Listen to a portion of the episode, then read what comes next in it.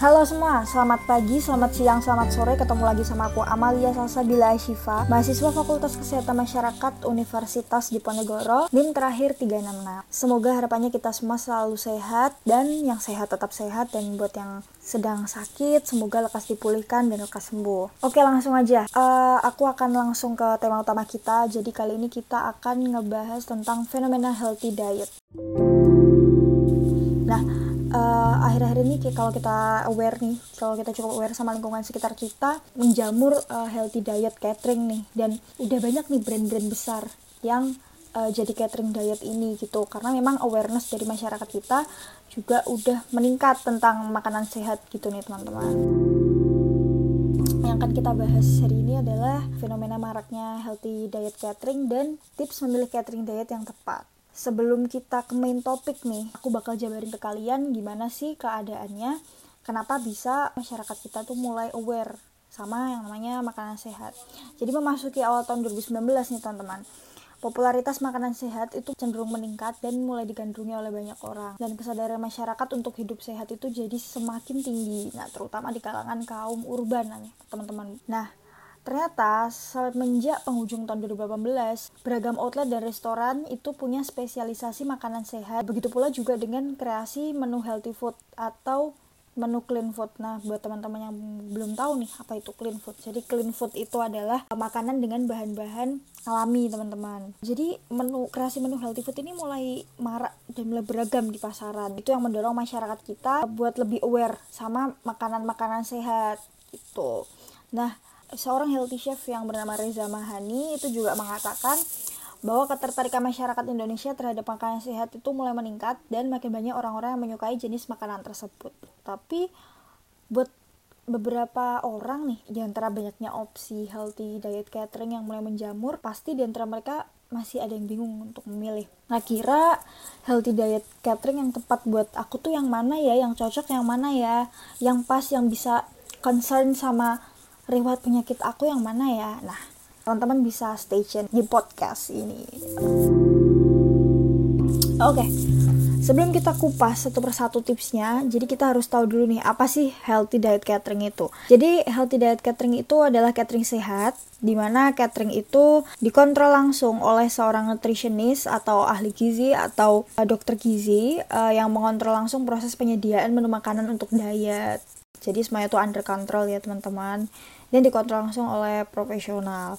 Jadi biasanya healthy diet catering ini akan membuka batch tertentu untuk customernya dalam jangka waktu sebulan atau seminggu atau ada juga yang per hari dan itu semua variatif untuk jangka waktunya. Nah, langsung aja nih ke tips. Uh, apa sih tips buat kita untuk memilih catering diet yang cocok sama kita? Yang pertama, terutama buat mahasiswa seperti kita ini, sesuaikan budget jadi hal pertama yang bisa jadi pertimbangan adalah harga. Jadi apakah harga yang ditawarkan ini sudah sesuai dengan budget kamu atau semisal ada catering diet yang menawarkan jasanya dengan harga yang cukup menguras kantong, tetapi kok ternyata nggak sesuai nih sama ekspektasi kita atau pelayanannya belum cukup baik gitu. Nah, untuk mengantisipasi hal ini terjadi, kita bisa melihat price list dan review-reviewnya terlebih dahulu dari customer-customer sebelumnya nih teman-teman. Dari review itu akan terlihat kredibilitas healthy diet catering ini. Kemudian yang kedua, ketahui program diet yang diikuti oleh catering dietnya. Jadi program diet itu banyak ya teman-teman jenisnya. Contohnya nih buat di Fit Kitchen sendiri pastinya yang udah top of top of mind itu mereka menganut diet IIFYM artinya if it fits your macros atau diet rendah kalori dengan tetap memperhatikan makronutrisi. Jadi dia lebih ke arah menghitung kalori gitu teman-teman. Jadi uh, makronutrisi itu ada apa aja pastinya ada protein karbohidrat dan fats atau lemak nah tapi teman-teman sebenarnya IIFYM ini dia apa sih kekhasannya gitu uh, diet if it fits your macros yang dianut oleh Yellow Fit Kitchen ini tetap menggunakan garam sehingga rasanya tetap enak tapi penggunaannya tetap sedikit gitu. Nah berbeda dengan IIFYM ada namanya Black Rose Diet jadi dia menganut diet mayo. Nah seperti apa yang mungkin teman-teman udah pada dengar apa sih diet mayo ini? Jadi diet mayo ini dia sangat membatasi konsumsi karbohidrat dan garam. Jadi kenapa sih banyak orang yang antusias sama diet ini? Karena diet mayo ini dia bisa menurunkan berat badan kita 7 sampai 10 kg asal kita harus mematuhi aturan uh, dan larangan selama 13 hari untuk mendapatkan tujuan yang kita inginkan gitu guys. Jadi kayak mungkin kita nggak boleh ngemil kita uh, mengurangi garam selama 13 hari gitu. Dan harus konsisten yang pasti. Kemudian ada juga jenis healthy diet maintenance. Namanya healthy diet maintenance. Nah buat teman-teman nih yang mungkin pengen nge-maintain berat badan aja dan nggak pengen turun terlalu banyak kalian bisa coba ini. Salah satu contoh uh, catering diet yang menganut jenis diet ini tuh Nutresa guys. Jadi buat teman-teman yang pengen healthy diet yang mana ya kalian better do research dulu untuk make sure apakah diet yang kalian pakai ini udah sesuai nih sama keinginan kamu atau belum gitu yang ketiga, selanjutnya perhatikan proses pengolahannya. Nah, biasanya catering diet yang baik, dia akan menguraikan proses pengolahan makanan diet tersebut. Jadi, misal diolah menggunakan minyak atau butter jenis apa.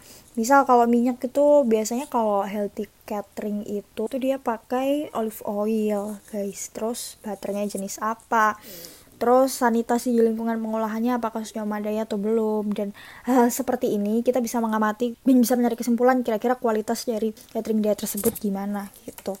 Yang keempat, ada waktu pesan antar. Nah, jadi seseorang yang memilih untuk berdiet dan menjalani hidup sehat pastinya akan menjadwalkan jam makan kan ya kayak lunch atau uh, mau dinner jam berapa tapi dengan adanya pola makan dan intake gizi yang bagus tapi nggak diimbangi dengan waktu atau jam makan yang tepat tentunya tidak memberikan hasil yang optimal pada tubuh. Jadi kayak nggak terlalu ngaruh gitu. Jadi waktu pesan antarnya apakah tepat waktu atau enggak itu juga menjadi pertimbangan. Kemudian yang kelima lokasi jasa catering. Semakin dekat dan semakin strategis lokasi jasa catering semakin baik. Hal ini akan meminimalisir keterlambatan proses antar ke rumah kamu dan tentunya akan lebih memudahkan kamu yang keenam, catering diet yang concern atau memperhatikan alergi atau riwayat penyakit kalian. Jadi semakin detail informasi yang mereka butuhkan terhadap kamu, justru semakin spesifik treatment atau menu yang akan kamu dapatkan. Maka dari itu, jika catering diet kamu sangat concern dengan alergi atau riwayat penyakit yang kamu punya, itu menjadi poin plus buat kamu dalam memilih catering ini. Jadi mungkin itu aja tips dari aku. Dari semua tips yang udah aku kasih tadi, ngaruh atau enggaknya catering diet ini tetap kembali lagi ke kamu. Sebenarnya tergantung dari niat kamu untuk bersungguh-sungguh melakukan dietnya. Dan jangan lupa tetap dibagi dengan olahraga ya. Salam sehat, stay safe semuanya. Terima kasih, see you in the next podcast.